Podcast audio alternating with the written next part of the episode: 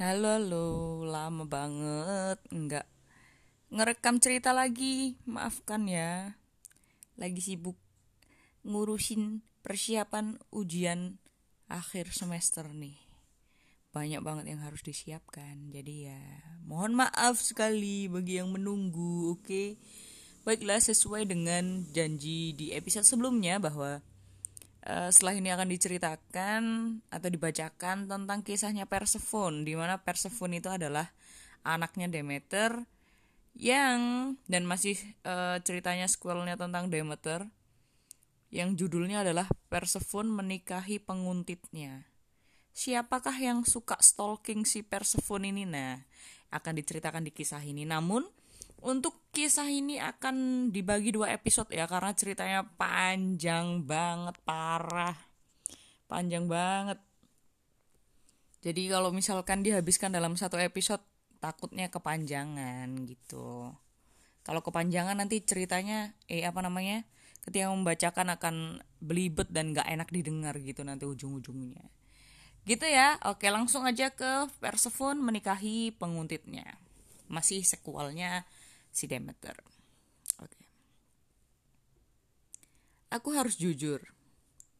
Aku tak pernah mengerti apa yang membuat Persephone jadi berita besar. Maksudku, bagi seorang gadis yang nyaris menghancurkan semesta, dia terkesan biasa-biasa saja. Memang dia cantik. Dia mewarisi rambut pirang panjang ibunya dan sepasang mata biru langit Zeus. Dia sama sekali tak peduli akan dunia. Dia merasa yakin bahwa seluruh dunia telah diciptakan hanya demi kesenangan dirinya. Kurasa, bila kedua orang tuamu merupakan dewa-dewi, kau bisa saja mempercayai itu. Dia menyenangi alam luar. Dia menghabiskan hari-harinya dengan menjelajahi pedesaan bersama para nim dan teman-temannya sesama dewi, mengarungi sungai, memetik bunga di padang-padang rumput yang diterangi sinar matahari, melahap buah-buahan segar langsung dari pohonnya. Uh, aku cuma mengarangnya sih, tapi aku menerka itulah yang akan dilakukan Dewi remaja sebelum ponsel cerdas diciptakan. Masalahnya adalah Persephone tidak memiliki banyak keunggulan dalam dirinya. Dia tidak begitu pandai dia bukan pemberani. Dia tidak memiliki target ataupun hobi selain dari memetik bunga tentu saja. Dia sekedar ada saja di sana, menikmati hidup dan menjadi layaknya anak yang dimanja, dilindungi dan dilimpahi banyak kemudahan.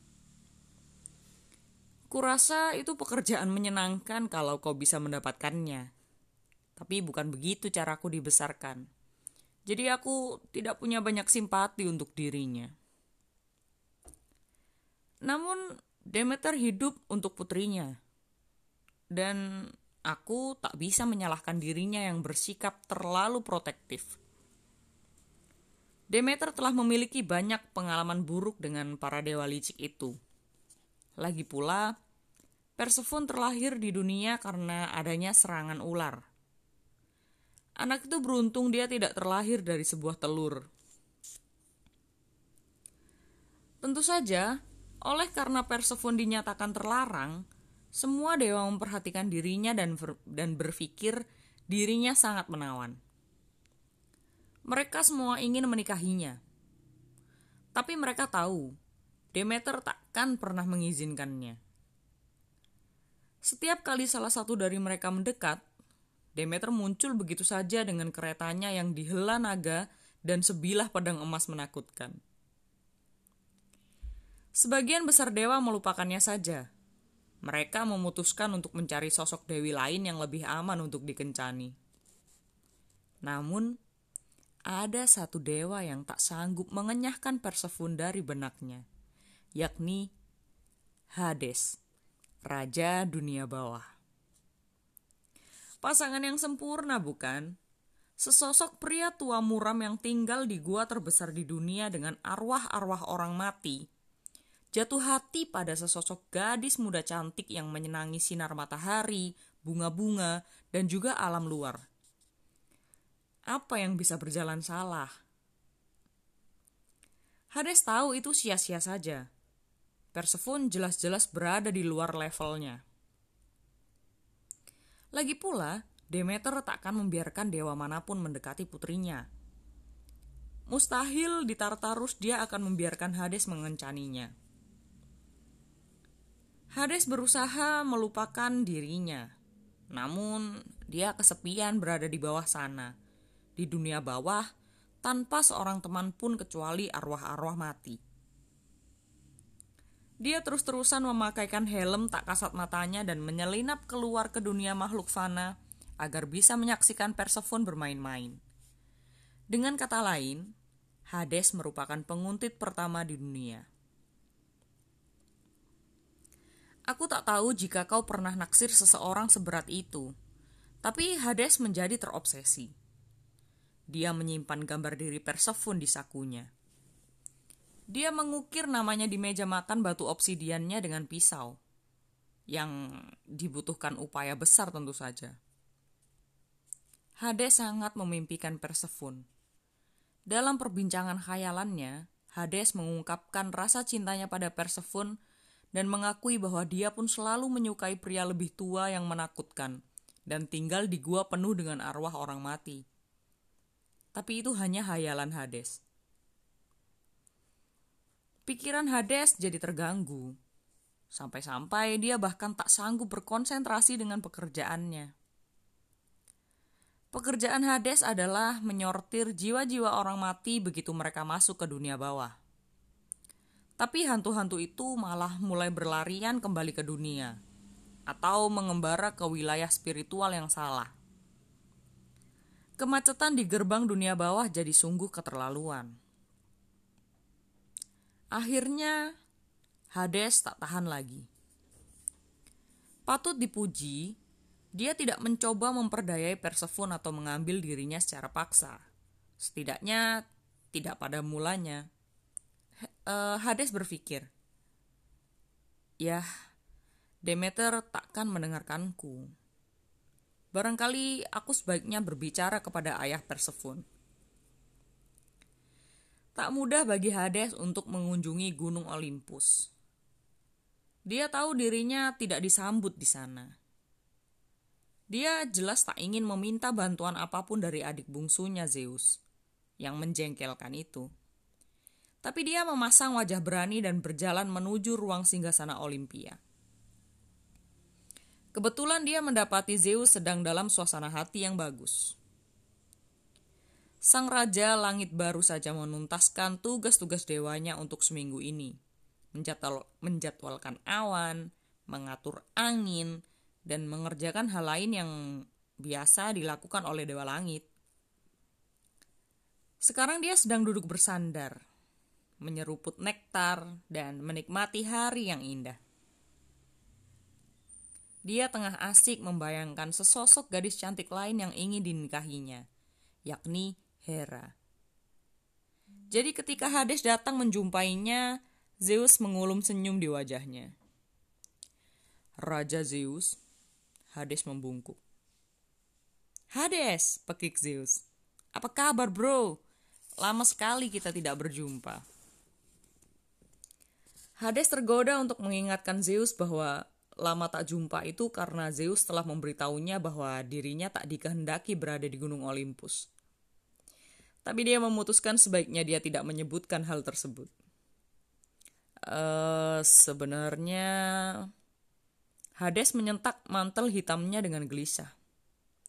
Sebenarnya aku membutuhkan nasihat tentang perempuan. Hmm. Zeus menyeringai. Kau telah datang ke tempat yang tepat, saudaraku. Para perempuan mencintaiku. Oke, ini tentang satu perempuan khusus putrimu Persephone. Hades mengatakan itu dengan ragu. Lalu seketika senyum Zeus pun pudar. Bilang apa kau barusan? Hades telah memendam perasaannya begitu lama, hingga pertahanan dirinya langsung jebol.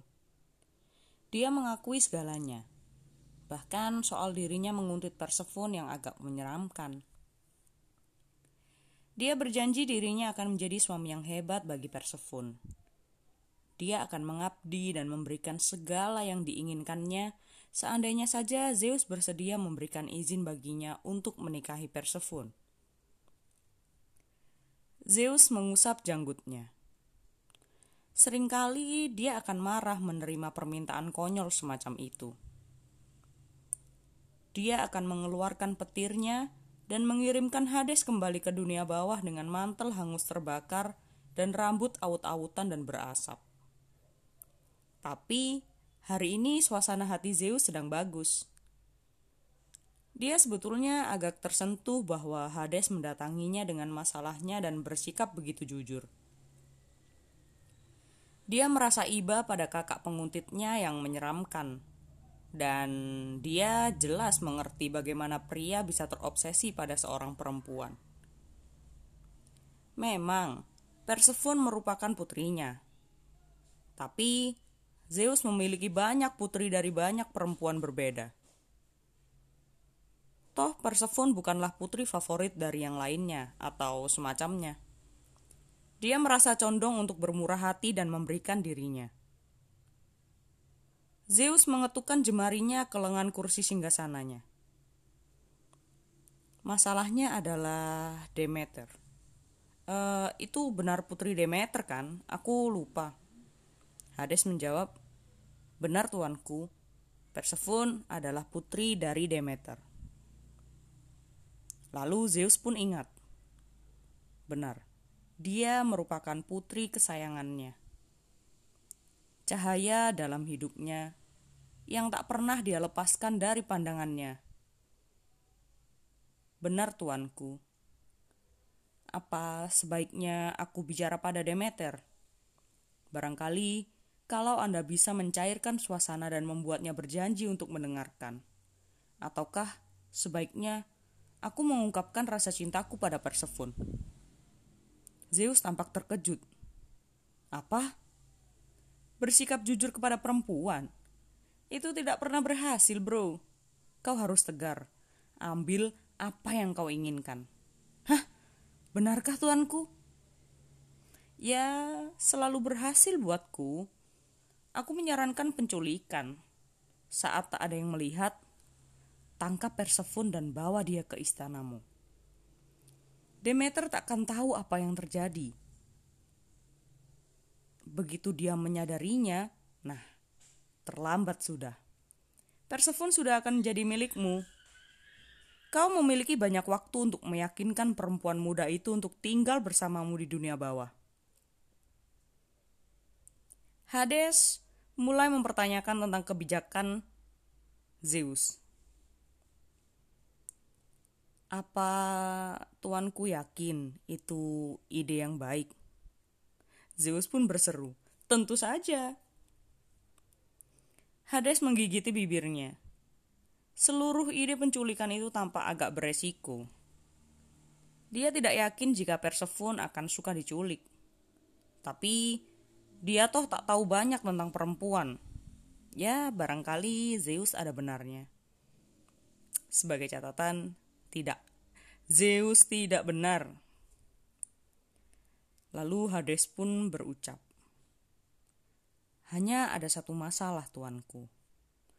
Persephone tidak pernah sendiri. Dia entah bersama Demeter, atau dengan beberapa nim, atau dewi pengawal. Bagaimana aku bisa menculiknya diam-diam? Kalaupun aku menggunakan helm tak kasat mataku, Aku tidak bisa membuat dirinya menjadi tak kasat mata atau menghentikan teriakannya. Lalu Zeus pun menjawab dengan mengkilatkan mata nakalnya. Itu biarkan aku saja yang mengurusinya. Pergilah dan siapkan keretamu.